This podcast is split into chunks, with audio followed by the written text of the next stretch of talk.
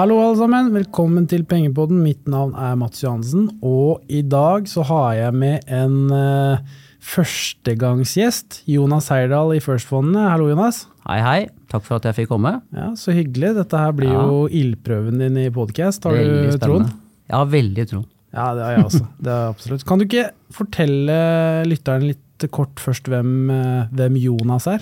Jonas er eh, nylig fylt 50 år, og det er jo eh, spennende og skremmende.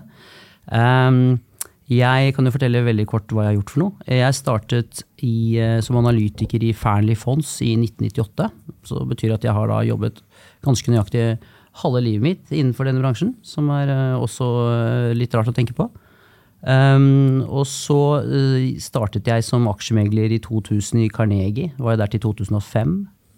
Så gikk jeg til det som het Orkla Enskilda, som senere ble SEB Markets i 2005 til 2013. Med Heierdal og hele gjengen? Ja, Heierdal var ute, men det var Mats Syversen på topp, da. Riktig. Så det, da var jo dette da var, husker jeg at vi var 19 meglere på bordet, og når jeg sluttet i 2013, så var vi seks. Ja. Så det, har, det var en prosess, det også. Um, så gikk jeg til et family office, eh, hvor jeg satt som eh, porteføljeforvalter og, og investerte i fond, og samtidig en portefølje med enkeltaksjer. Og så, i eh, 2018, eh, så startet jeg i First-fondet, og er der i dag.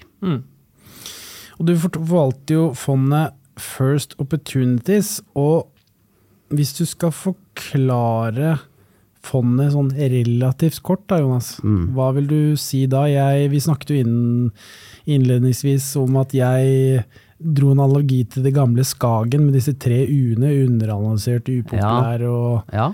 undereid. Det er jo i og for seg gode poenger. Jeg har jo ikke tenkt helt sånn på det, men eh, det er ikke veldig ulikt. Um, Men fondet skal være Norges beste eh, justert for risiko. Um, Og vi investerer i selskaper eh, på Oslo Børs helt uavhengig av størrelse og indeks. Eh, Så dette her eh, fondet het jo tidligere First SMB. Vi byttet navn til First Opportunities, for vi ønsket å, å gå litt vekk fra det SMB-stempelet, for dette er ikke et SMB-fond. Jeg investerer i store selskaper, mellomstore og små selskaper. Um, men vi får da en naturlig overvekt av eh, små og mellomstore selskaper, ettersom Norges beste selskaper sjelden er å finne blant de store. Så vi søker bare det beste, med best risk reward, og da blir porteføljen sånn. Um, og eh, dette skal være et godt alternativ for en langsiktig sparer. Eh, dette er ikke noe dette er lav risiko, og dette her er med, en ganske konsentrert portefølje. Um, så ser vi etter da selskaper med, med høy sannsynlighet for eh, akseptabel avkastning, heller enn eh, lav sannsynlighet for veldig høy avkastning. Eh, og det er jo veldig mange, Dette handler jo om frykt og grådighet. Eh, og det er det sikkert mange av lytterne som, eh, som også har kjent på i disse tider. Um, Trenger ikke gå lenger enn til meg, Jonas. ja, hvis der kan vi gå det. halvannen meter der, så har vi, har vi skjønt det. Uh, nei, så dette handler egentlig om uh, Dette er jo som underliggende filosofien, da. Eh, men eh, Så vi jakter eh, gode selskaper, eh, og eh, vi finner flere av de blant de mindre. Og Dermed så får vi en liten overvekt til den veien, men det er ikke noe vi må ha. Det er ikke noe i mitt mandat som sier at jeg ikke kan ha store selskaper, for det har jeg også.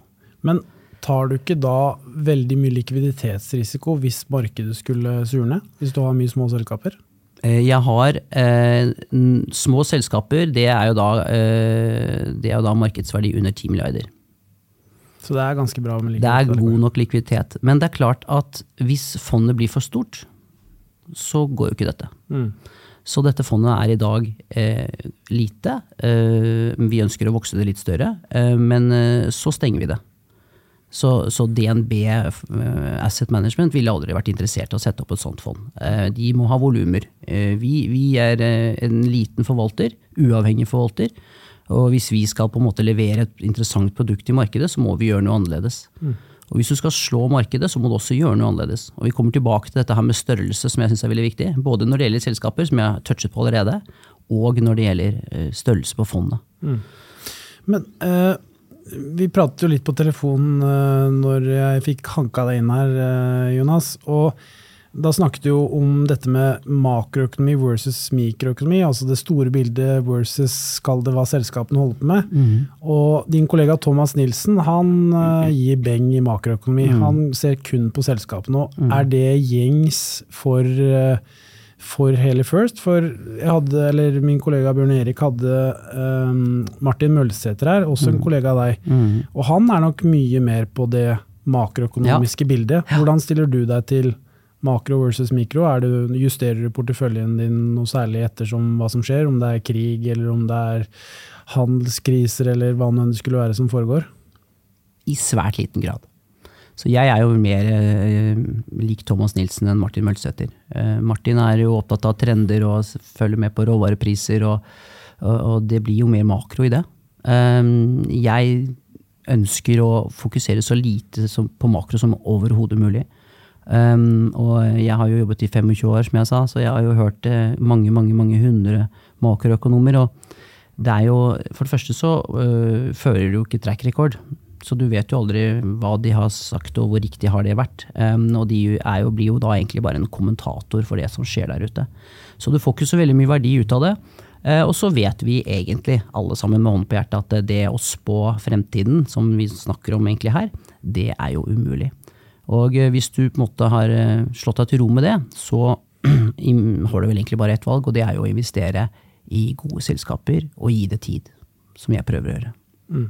Beste sånn prediksjon på framtiden er vel egentlig bare å se på aksjemarkedet, som er en ledende indikator i seg selv. Da. Fordi disse makroøkonomene har jo gjerne disse ISM-tallene, og det er PMI-er osv., men det er jo bare etterskuddsvis, så du får jo svaret én til to måneder seinere. Det blir litt vanskelig å kalle det predikere ting på, når ting allerede har skjedd. Da. Så det er jo det er som du sier, du, klart du kan jo altså Mange analytikere og makroøkonomer har vært flinke på å spå en retning, da, og det er jo kanskje det man kan ta med seg av sånne type spådommer om framtiden. At man kan, kan ikke pinpointe et estimat, for det er useless uansett, men du kan i hvert fall spå en form for retning som kan være nyttig, da, bare Ja. for å ta, ta, litt, ta litt makroøkonomer i forsvar også. Ja, og jeg kan jo, vi kan jo dra et veldig konkret nylig eksempel. Øh, Hvis jeg hadde fortalt deg for i 2019 at øh, nå, Mats, nå skal vi gjennom en covid hvor vi skal stenge ned hele verden.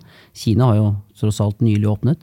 Eh, Vi skal gjennom verdenshistoriens kraftigste inflasjonsøkning, eh, fullstendig ute av kontroll, og eh, dertil eh, en eh, historisk renteøkning.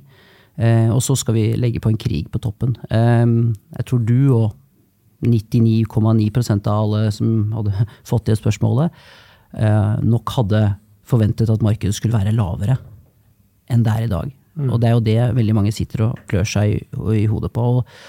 Så, så du kan jo på en måte du kan jo på en måte treffe på noen hendelser som er veldig vanskelige. Eh, og vi snakker jo ofte om black swans her. De kommer fra høyre. Covid er jo en sånn en, eh, som er jo helt umulig å forutsi. Men eh, det at eh, renten skulle opp fra null, er vel kanskje det er vel ikke så overraskende egentlig. Men eh, det er utrolig krevende over tid å, å få dette her riktig. Mm, mm. Bra, Jonas. Du, vi pratet innledningsvis også om eh, et veldig interessant tema, et underkommunisert tema blant forvaltere, og det er filosofi. Og Der vet jeg at du har veldig mye tanker, og det er veldig viktig for deg også, for du har jo jobbet i Family Officer og har jo da intervjuet og snakket med bøttevis med forvaltere, og det har vært lite kommunikasjon rundt filosofi. Så kan ikke du fortelle oss om din filosofi, eh, Jonas, og hvordan du ser for deg ditt fond, og hvordan du har tanker rundt det? Ja. Uh, ja, jeg tror vi hadde 150 forvaltmøter i året jeg, over en femårsperiode, så jeg har jo truffet veldig mange forvaltere. Og uh, veldig få snakker om filosofi. Og jeg har en egen slide i min presentasjon uh, som går på filosofi, og jeg har ikke sett noen andre ha, det. Og filosofi er jo det, det, det viktigste for en forvalter. Og ut fra filosofien så setter du en strategi som passer for deg. Det finnes mange strategier, og det er mange som er Det er ingen, ikke noe rett eller galt, det er mange veier til rom. Men det viktigste er at du finner en strategi som passer din filosofi, og så er du tro til den. Men når det gjelder eh, filosofi, så er det jo på en måte, som jeg har sagt før også For meg så finnes det to typer investorer. Det finnes de som ikke kan time markedet, og så finnes det de som vet de ikke kan time markedet. Eh, og eh, jeg, som du kanskje har skjønt, så hører jeg trygt hjemme i kategori to her. Ehm, og jeg tror at eh, det å time, basere sin strategi på å time markedet, tror jeg er svært krevende. Jeg skal ikke si at det ikke lar seg gjøre, men i hvert fall ikke mulig for meg, og jeg tror det er veldig vanskelig for de fleste. Ehm, så derfor så må du investere som om fremtiden er ukjent. da. Du må bare akseptere at vi ikke kan eh, se inn i fremtiden. Og jeg sier jo det til, til folk, at eh, ja, Eh, vi kan ikke spå fremtiden. Nei, nei, det er jeg helt enig i, men eh, så går det to minutter sånn. Men hvor skal markedet? Så du, Hele tiden så kommer det samme spørsmål tilbake, og det er jo egentlig et spørsmål om uh, hva skal skje i fremtiden. Så du må investere som om, om verden er, fremtiden er, er, ukjent, og så må du bygge en portefølje som tåler alle typer markeder. Slik at om børsen er opp eller ned eller sidelengs, så skal ikke det ha noe å si. Um, og så må, Det betyr at du må være forberedt på alt som kan skje. Så eh, covid, eh, når markedet falt 30 eh, på en uke, halvannen, så, så, gjorde jeg ingen endringer i porteføljen, og jeg satt stille i båten. For jeg var komfortabel med mine selskaper. Um, og du må investere langsiktig nedenfra opp. Uh, og så ved å være langsiktig, så får du denne bonusen med rentes renteeffekten, som dere også har snakket om tidligere i denne podkasten her. Eh, som er åttende, verdens åttende underverk. og for å få den gulroten, så må du være langsiktig. Hvis du trader deg ut og inn i selskaper, så gir du fra den muligheten. Og det er, eh, det er ikke din fordel. Så eh, i det korte bildet så styres jo aksjekursene av frykt og grådighet. og det er jo derfor veldig mange privatpersoner også taper penger i aksjemarkedet. Du, hele kroppen din skriker kjøp når kursene er høye, og de skriker selv når når kursene er lave. Ehm, så vi vet jo egentlig at eh, i det lange bildet så styres utviklingen av vekst i inntjening og avkastning på investert kapital. og så Det gjelder å på en måte holde fokus på de riktige tingene. Og eh, stenge ute støy. Så jeg snakker jo ikke daglig med aksjemeglere, selv om jeg har vært en selv. Uh, ikke noe forkleinelse for dem, men jeg prøver å ta ut så mye støy som mulig og fokusere på, på investeringscaset. Og så lenge det tikker og går, så er jeg komfortabel. Jeg er veldig stressa for selskapene mine, og jeg følger med som en smed døgnet rundt. Men jeg er ikke like stressa for aksjekursene. Eh, de svinger, eh, og det er ikke alltid like lett å skjønne hvordan og hvorfor. Men eh, så lenge selskapet leverer på sin forventede strategi og plan, så er jeg happy.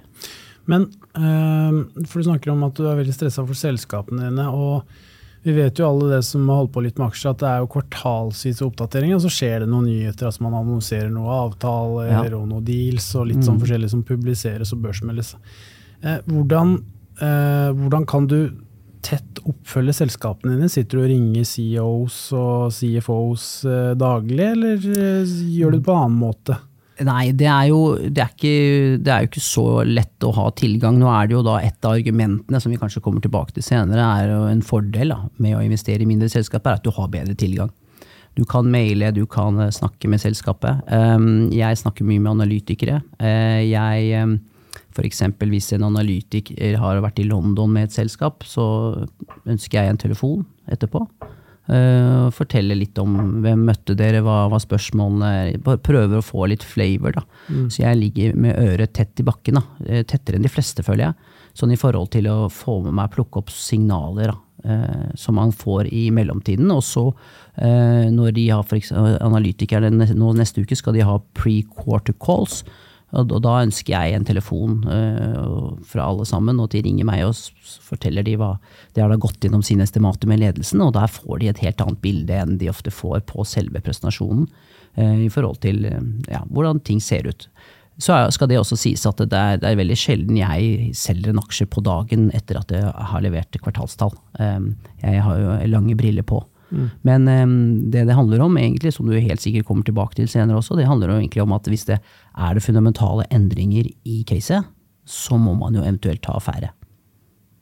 Riktig. Ja, så, du var inne på det med filosofi, og hvis vi skal oppsummere den, den bolken her, Jonas, så er det vel Aristoteles som sa noe ganske lurt. Han sa veldig mye lurt uh, ofte, men kanskje en av de bedre var 'det eneste jeg vet, er at jeg ikke vet'. Ja.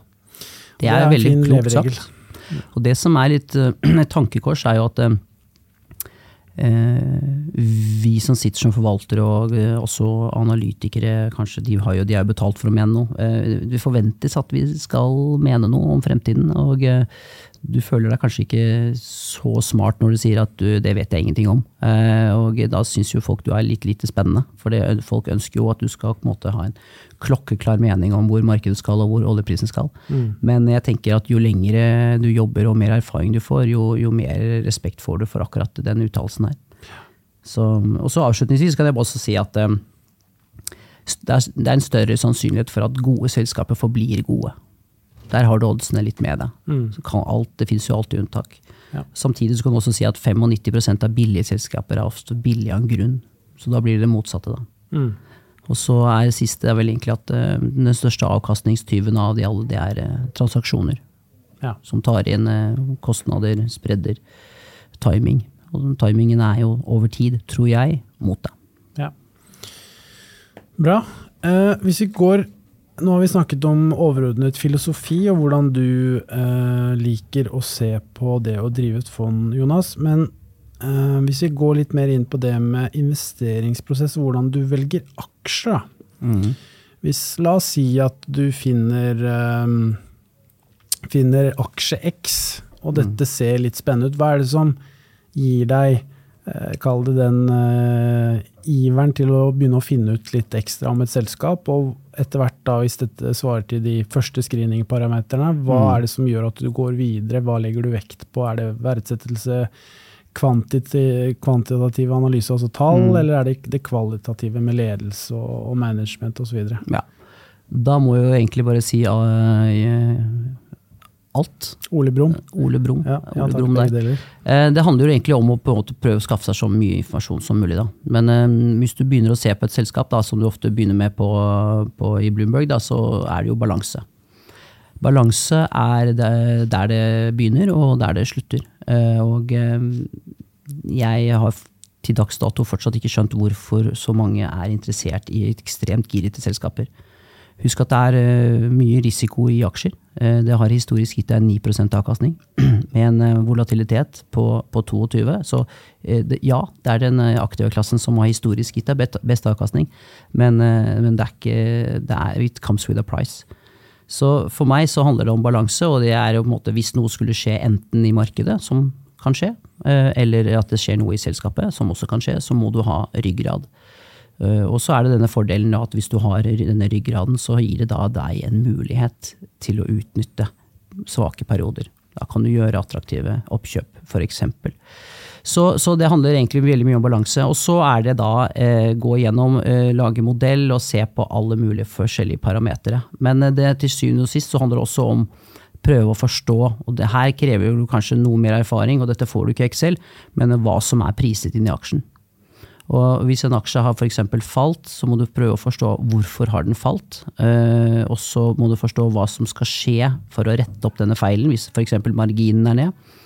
Og så må du møte selskapet du få, en, eh, få en, eh, en, forklaring på hva er planen videre. Og så må du vurdere om den er priset inn, og om dette er oppnåelig. Og, hvis, og, I mange tilfeller så handler det om å på en måte legge ned en avdeling, si opp noen mennesker og en del sånne ting som er ganske low hanging fruits. Og Da føler jeg at man har eventuelt et case å, å se på.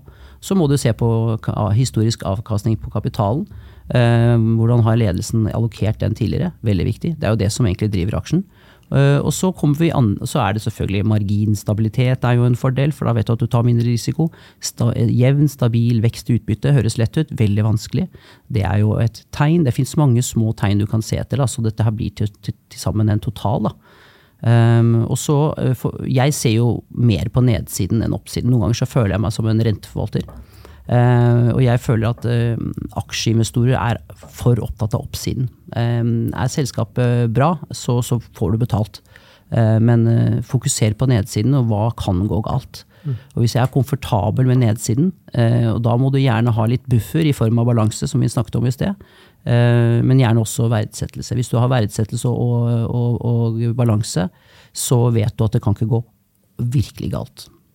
Så det er, jo, det er jo et veldig sammensatt svar, da. Men eh, det handler om mye. Og for meg så er det jo det, måte, det, det kvalitative som er Det kvantitative er jo i utgangspunktet lett, for alle har jo tilgang til tallene. Du har det i Bloomberg, du kan få det på smarttelefonen din.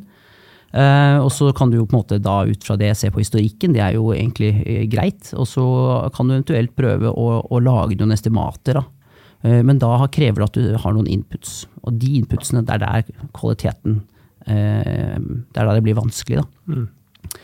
Eh, og så I tillegg så må du da se på det kvalitative, og det er egentlig prøve å forstå markedet, prøve å forstå produktene. Kulturen i selskapene er veldig vanskelig. Og det er klart, det er jo litt sånn soft faktor, men i noen selskaper så har du sterk kultur. Da er det et veldig pluss. I mange andre selskaper så vet du ikke noe om kulturen. Hvordan er kulturen i Norsk Hydro? Hvem vet. Eh, så, men det er jo da noe du kan ta med deg. Og så har du kanskje truffet, kommet borti ledelsen ved tidligere anledninger gjennom din fartstid. Um, som også er uh, veldig viktig. Så du må ha hel ved bak rattet.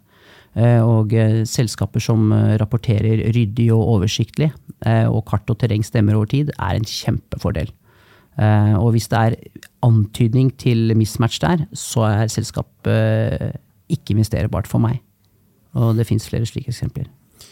Så det virker for meg som at du unngår banker? Kan det stemme, eller? Jeg har ikke noe bank. Nei. Jeg har hatt litt Sparebank i Nord-Norge. Eh, jeg, jeg, er ikke prinsipiell, da. Eh, ikke, Thomas Nilsen er jo veldig klar på det, og eh, det er jo Terry Smith også, i Fun Smith. og det er jo mange som er det. Og det handler om visibilitet. da. Det er en sånn, egentlig en sånn boom-bust, men hvis du ser på aktiva-klassen eller sektoren finans, så har den levert veldig god avkastning over veldig mange år. ja, dog med høyere volatilitet.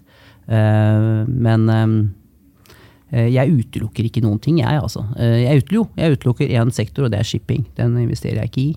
Det kommer jeg aldri til å gjøre.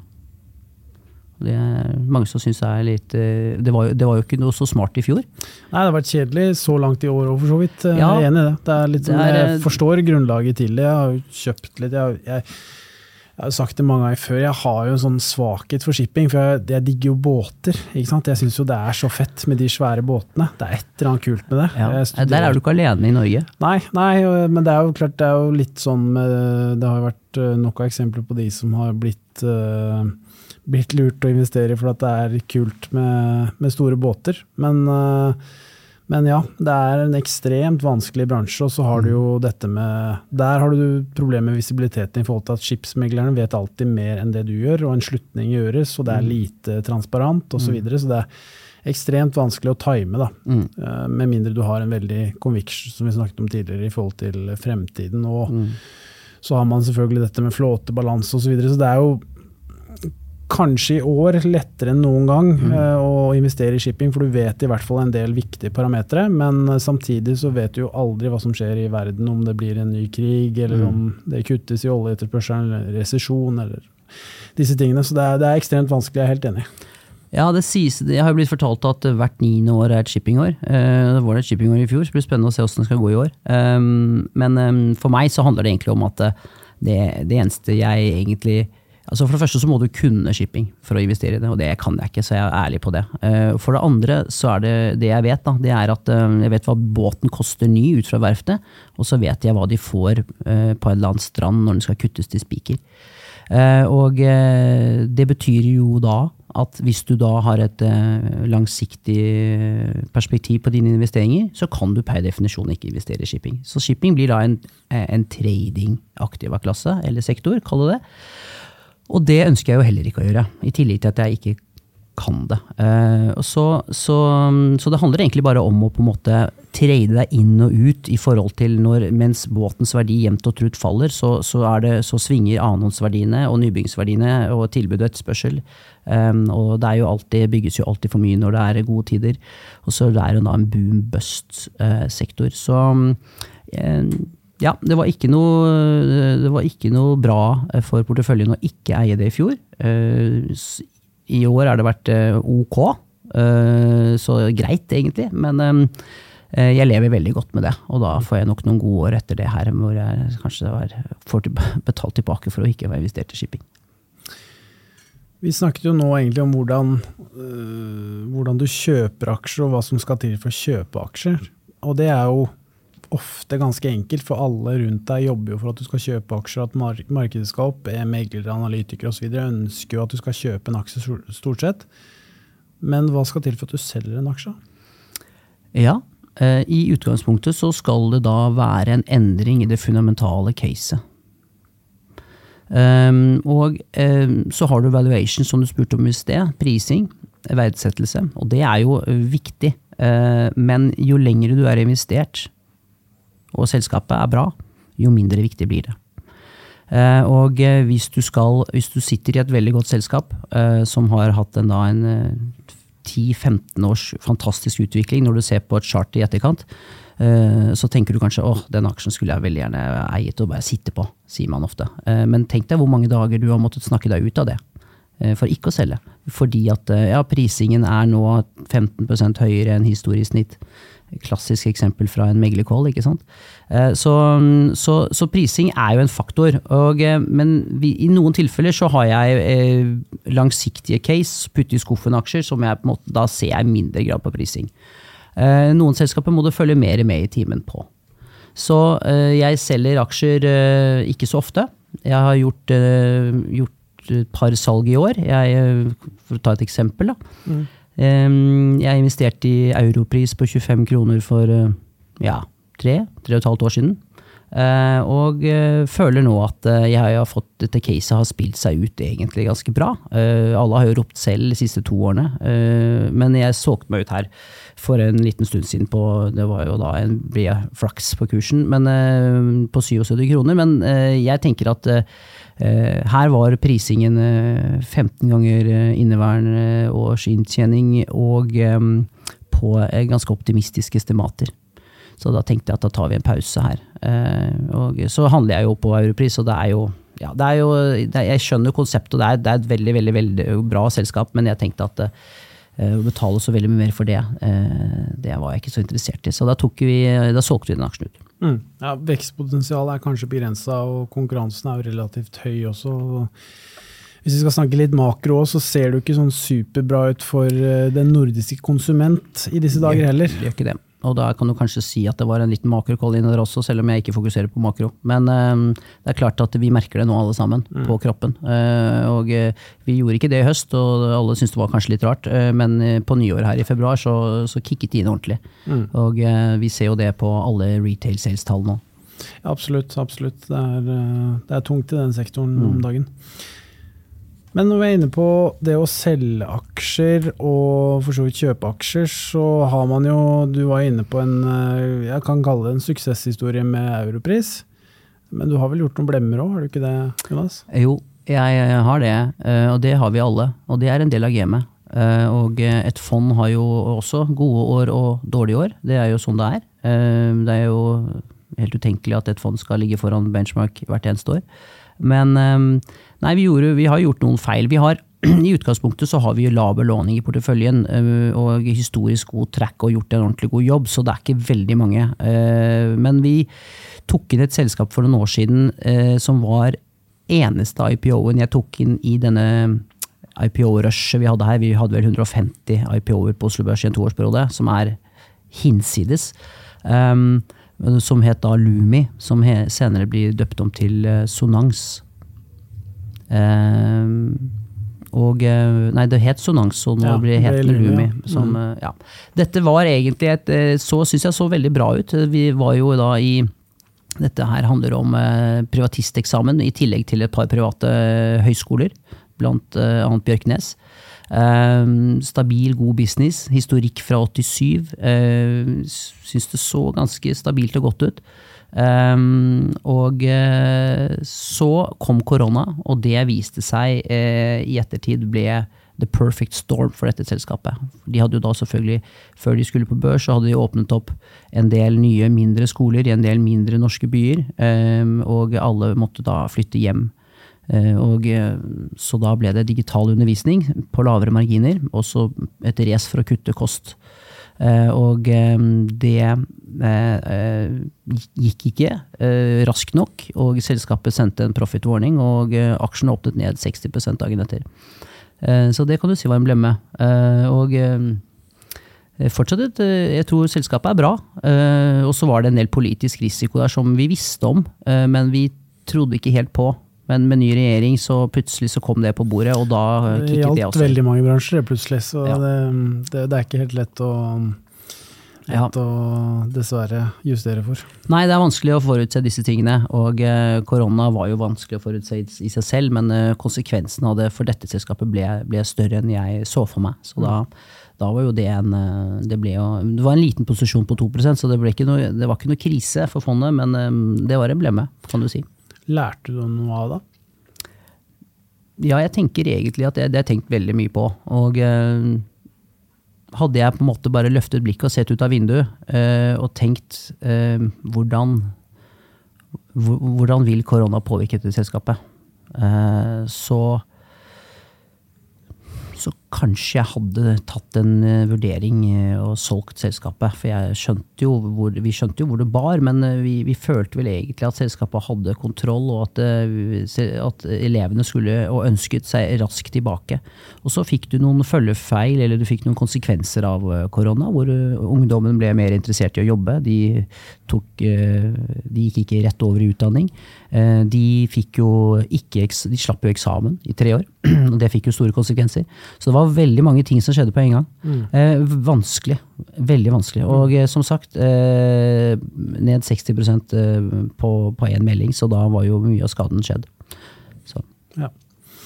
ja, nei, det er ikke lett, men det er det der som du sier hele tiden, å prøve å se sammenhenger. Det er kanskje det som er det. Mm. Det er jo det som er kunsten i aksjemarkedet. Og hvis X skjer, hva skjer med Y og Z, eh, og så videre og så videre, og spille rundt på det. Hvis vi begynner sånn å prate litt om eh, det kanskje alle lytterne er mest interessert i, det er jo eh, enkeltaksjer og porteføljen din. Og sånn som eh, vi har fått eh, svar på her gjennom den praten vi har hatt hittil, er jo at du er jo relativt bredt diversifisert gjennom mange sektorer. Eh, men eh, hvordan jobber du og ditt team med Kall det spredningen av fondet. Mm. dere noe, er, det, er det viktig for dere å være litt inne i alle mulige sektorer, eller prøver dere å være konsentrert på ting dere kan, eller eh, hvordan jobber dere rundt det å kalle det, prøve å diversifisere og optimalisere porteføljen deres? Da? Mm. Nei, eh, diversifisering er jo i utgangspunktet viktig i form av at det tar jo ned risikoen i porteføljen, og det tar ned avhengigheten av timing. Og det er viktig. Eh, derfor så må vi diversifisere oss. Eh, så vi er diversifisert, eh, men vi har ikke noen utgangspunktet, noen, noen fasit på hvor mye vi skal ha i hver sektor. Vi eier litt forskjellige typer sektorer og syns det er fornuftig. Og har et helt avslappet forhold til det.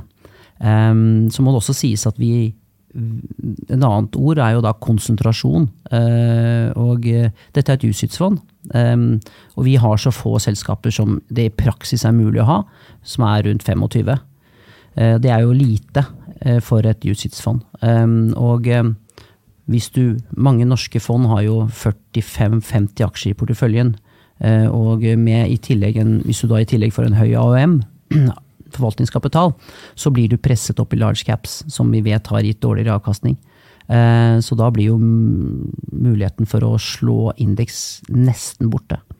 Så, men jeg har jo noen morsomme eksempler i forhold til det å investere i små og mellomstore versus eh, store selskaper. Da. Og hvis du, hvis du tok perioden januar 2010 til januar 2022, som for øvrig er verdenshistoriens kraftigste børsoppgang, jeg mm, kan eh, si det med en gang, så eh, hvis du investerte da i, i SalMar i, og satt gjennom denne tolvårsperioden, så eh, hadde du fått en totalavkastning, dvs. Si inklusiv utbytte på 2091 Eh, I Bouvet hadde du fått 2413% i Mediestim hadde du fått 2256% og i AF-gruppen hadde du bare fått 1260 um, Hvis du da i samme periode hadde kjøpt Equinor, så hadde du fått 190% DNB 403 Telenor 212 og Hydro 112 eh, Og det er jo Det kommer litt tilbake til filosofien, da. Det er jo ikke noe tvil om hvor avkastningspotensialet er størst. Vi kan snakke også senere og kanskje om hvis vi rekker det, om hvorfor, det bedre, hvorfor leverer små selskaper bedre avkastning enn store. Det er jo en del naturlige faktorer der. Samtidig hadde du vel eh, 300% på to år i Equinor, riktignok. Den gikk fra 100 spenn i covid til 350, eller hva det var for noe i, i slutten av 2022. Så Ja. det, er sånn der, det er veldig sånn timingmessig òg, i forhold til hva slags sektor og, og sånt også. Absolutt. Skyt inn det. Absolutt. Men vi ser jo at uh, dette er jo Pharma French fikk jo Nobelprisen i 2013 for dette her med small cap-faktoren, og vi ser jo det på alle indekser at eh, small cap outperformer large caps. Så det er jo en mer attraktiv del av markedet. Og det er jo veldig mange store fond i Norge som ikke har muligheten til å investere her. Det er jo da vår fordel, da. Hvis du skal øh, eksemplifisere øh, den filosofien din der altså, gi, et, gi et par selskaper som kaller det tikker av alle bokser, ut ifra hva du er ute etter. Har du noen sånne gode eksempler til lytterne da? Ja, vi har eh, flere av den type selskaper. Vi har jo, eh, som vi har vært inne på, vi kan jo Bouvet, da, som vi er, eh, er, er glad i og har vært investert i siden jeg tok over dette fondet i januar 2019. Eh, Og um, dette er jo en IT-konsulent som har hatt en fantastisk utvikling. Um, Og um, hvis du ser på veksten i, i, i omsetningen, så har den vært veldig god og jevn. Det samme kan du se i, i, i EBIT-en og i, i EBIT-marginene. Så dette er et stabilt selskap som tikker og går. Eh, Det er jo i utgangspunktet, det ble børsnotert i 2007. Det var en spin-off fra eh, tror det Cell Networks, som gikk konk i .com i Sverige. Og med Petter Olsen og Management som kjøpte dette selskapet og noterte det i 2007 på Oslo Børs. Så det har vært en, en, en, en fantastisk reise, og det handler jo egentlig om tre ting i, i, i denne bransjen. og Det handler jo da om å vokse antall ansatte, det handler om å øke dine timepriser og øke din faktureringsgrad. Og vi ser at dette selskapet, som for øvrig ansatte 225 personer de siste tolv månedene, eh, har vist en vanvittig god evne til å få sine nye ansatte ut i, i fakturerbart eh, arbeid. Så har du på en måte, eh, så må du titte litt på markedet og så se hva, hvilke trender har vi der ute. Og vi hadde jo i utgangspunktet vi har den digitaliseringsprosessen da, som jeg tror så vidt har begynt. Eh, Den skal pågå i mange år. Og når vi snakker med ledelsen i, i Bouvet, så sier jo de at eh, i gamle dager så var det jo Equinor kom ut og så sier de vi skal ha et prosjekt, det skal se sånn ut. Dere kan komme med deres anbud. Og så pitchet de alle inn på det, og så var det en kombinasjon av selvfølgelig da, pris og leveranse. da.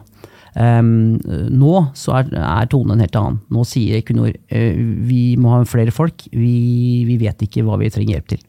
Og de har altså da de har en masse ansatte som sitter hos, hos Equinor, har sittet der i mange mange, mange år, og de er sikkert med på firmafestet til Equinor, og de tror sikkert, kollegene kollegaene tror sikkert de jobber i Equinor.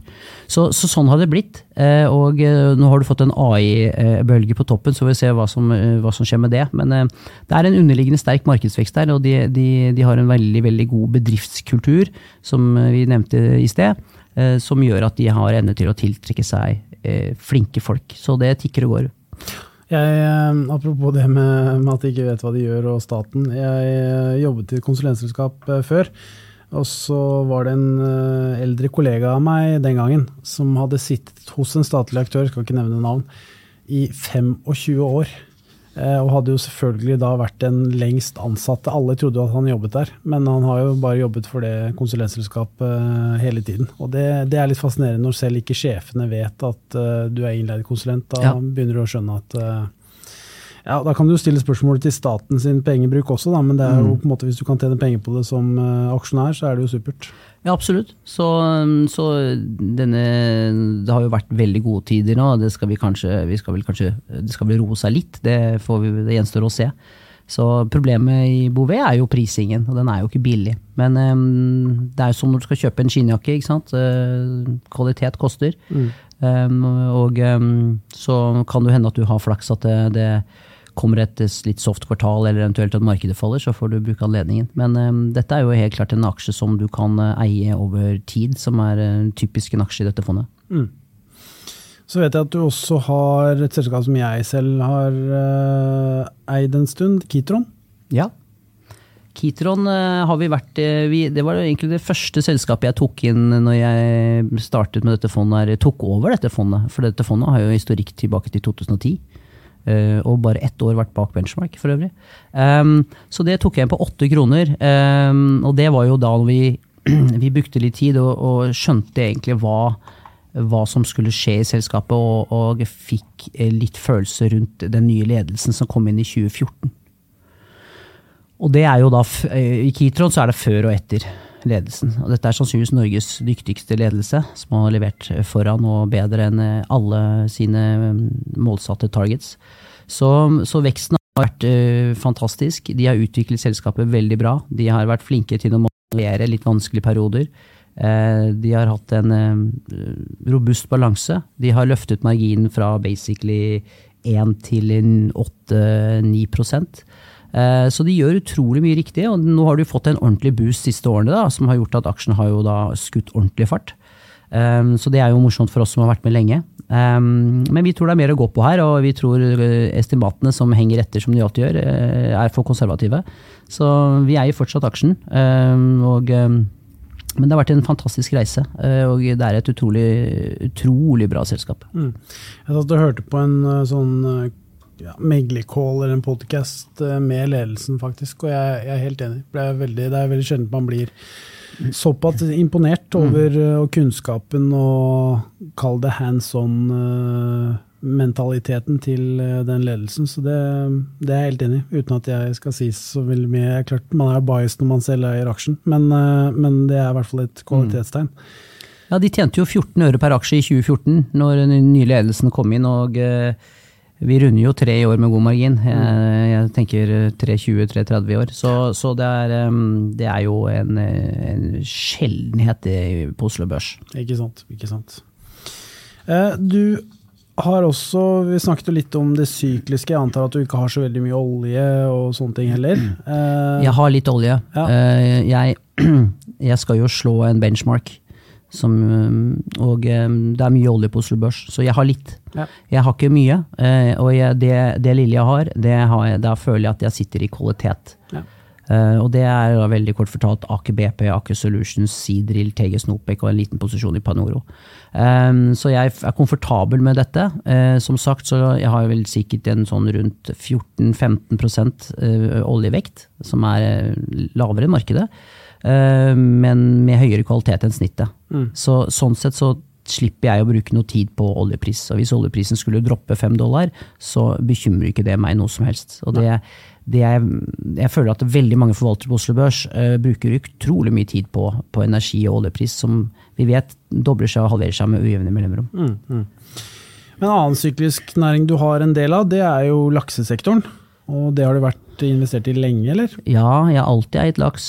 Eh, Jeg tenker jeg har alltid likt tilbud. Da får du gode skussmål her på huset, blant Ja. Roger og meg i hvert fall. Ja, så bra. Ja, det er hyggelig å høre. Nei, eh, laks har jo vært en fantastisk sektor. Det er klart at det, ligger jo 20 år med, med prøving og feiling her, som eh, Vi skal ikke gå inn på det politiske her nå, merker jeg. Men eh, Nei, så vi eh, Det har eh, tilbud og etterspørsel etter laks eh, har vært eh, bra i mange, mange år. Og så mm, kan man alltids diskutere. Det kommer litt mer fisk i andre halvår nå i år enn det kanskje mm, først var antatt. Eh, Derfor så faller prisene litt nå. Men eh, totalt sett så er dette en proteinkilde som eh, verden ønsker og verden trenger. Og du må også huske det at det er der hvor det kan drives oppdrett til, hav, til havs, der drives det oppdrett. Mm. Så det er ikke noen nye områder som kan åpnes opp her. Så det er at capacity. eh, Og derfor så ser du de, de kjøper jo eh, selskaper enn å på en måte mm, Og, og, og merdene er fulle. Så, så sånn sett, så, så, og derfor så kommer jo også da, som en konsekvens av det, så kommer jo også da landbasert, som vi aldri har investert i, selvfølgelig. Men eh, så sånn, vi, vi, vi liker sektoren. Vi har, nå har vi Movi, og vi har litt grann Måsehval som er en mini-SalMar, eh, men som også har hatt det litt vanskelig siste perioden. Men eh, dette syns vi er greit å eie. Jeg er enig. Mm. Til tross for myndigheter og det greiene der som vi ikke skal snakke om. Men nå er det i hvert fall nå er det folk klart med den lakseskatten, og det er jo i hvert fall en seier, bare det. Så kan man diskutere prosessen før, opp og ned i mente og Ja, i hele tatt der kan du sikkert ha fem-ti podkaster bare på det emnet. Ja, det har vi faktisk hatt òg, så Ja. det, det er greit. Ja. Så, men før vi går inn for landing her, eh, Jonas, så tenkte jeg, eh, som jeg alltid liker, og som lytterne også setter pris på, er om du kunne gi oss et lite sånn aksjetips til Aksjetips. eh, på slutten her. Ja. Em, Vi har jo gjort et par eh, nye mindre investeringer nå. eh, Og eh, et av de er faktisk Link Mobility, som har falt fra er det 50 til eh, 8,5, hvor vi plukket opp aksjen her for en, noen måneder siden. Og jeg brukte ganske lang tid på dette caset for å forstå hva, hva har skjedd. Og det som har skjedd, er vel egentlig at de, de startet en ny plattform som heter CPAS. Um, som de skulle legge alle sine tjenester på. Som skulle bli måte, eh, fremtidens uh, plattform. Uh, det var for tidlig, og det kostet for mye. Um, og um, det er årsaken til at aksjen i utgangspunktet falt. Hvis du tar bort det, den, den divisjonen skal legges ned. De skal si opp alle ansatte, de skal kutte 76 millioner i kost, så jeg tror er oppnåelig. Uh, Hvis du ser gjennom det, så ser du at selskapet har jo egentlig en fantastisk vekst i omsetningen sin. De har eh, net retention rate på 107% de har churn på 2 så det er egentlig vanvittig stabilt. Eh, og så fikk du da eh, prisingen ned. Og så, du en, så har du en utfordring på balansen som, har, som gjør at mange ikke kan investere, men det er en, det er en fast kupongbånd på 375 eh, som forfaller desember 25, som vi tror er håndterbart med den kontantstrømmen som selskapet genererer nå. Og i Q1 så fikk vi jo da første signaler på at denne nye strategien er i ferd med å settes ut i livet, Og aksjen har jo da gått, siden vi kjøpte, 45% Så vi tror det er noe mer, en god del mer å hente her. Så dette caset syns jeg man, man eh, absolutt burde se på. De skal ikke hente noen penger, tror du? Eh, Det tror jeg de klarer å slippe å gjøre. Så mm, jeg tror ikke de skal hente penger, og jeg tror de får refinansiert seg. Det blir selvfølgelig på en høyere rente enn eh, det de har i dag, men eh, det er håndterbart. Så, så det syns jeg ser veldig bra ut. Ellers så har vi også tatt en eh, liten posisjon i Saptek. Det er jo- ja, det er jo noe som alle kan, eller mange kjenner og mange kan forholde seg til. Eh, Jeg har jo en Easy-lader i, i garasjen selv, som mange andre. Eh, Så det som egentlig er veldig, veldig kort fortalt her, så har du fått eh, Aksjene har jo falt fra 60 til eh, 20, eh, så hentet de penger. Så nå har de da 375 millioner cash på balansen. De har fått en prising som er ned fra EV-bit 40 til rundt 15 eh, som er attraktivt. Så du har prising og, og, og, balanse i ryggen. Hvis ikke så hadde jeg nok ikke tatt dette caset. Så har du Easy-situasjonen. Der eh, ser det ut som dette dessverre ikke går veien, og vi, vi går vel mot eh, norgeshistoriens største forbrukerskandale. Det er jo forferdelig trist å se, men det blir jo da en mulighet for, for Saptek. Som da har fått godkjennelse i UK i desember og, og i, Tyskland i mars. Og eh, Frankrike skal bli godkjent innen utgangen av juni, og det er ikke mange dager igjen. Så eh, markedet eh, eksploderer, og de har en god posisjon. De har en attraktiv prising, og de har en robust balanse i ryggen. Eh, så her kommer det voldsom vekst. Um, så får vi se om eh, hvor raskt den kommer. Men de har jo nå økt sin eh, De har investert mye i fjor i sin produksjonskapasitet og, og kan egentlig omsette for 2 milliarder i år. Eh, de omsatte for 760 millioner i fjor. Spennende. Så det er en veldig spennende case, syns jeg. Eh, Det er ikke noe du skal Det er ikke, det er ikke en voldsomt stor posisjon, må få lov til å tilføye det. Men eh, jeg syns dette ser ganske spennende ut. Kult. Mm. Jonas, takk for at du kom. Veldig hyggelig. Ja, Tusen takk for at jeg fikk komme. Veldig hyggelig. Og riktig god sommer når eh, den tida kommer. Du skal vel ha litt ferie du òg, sannsynligvis. Absolutt. Tusen takk i like måte. Takk, takk. Og til dere lyttere, tusen takk for at du hørte på, og riktig god sommer. Penger, penger, penger,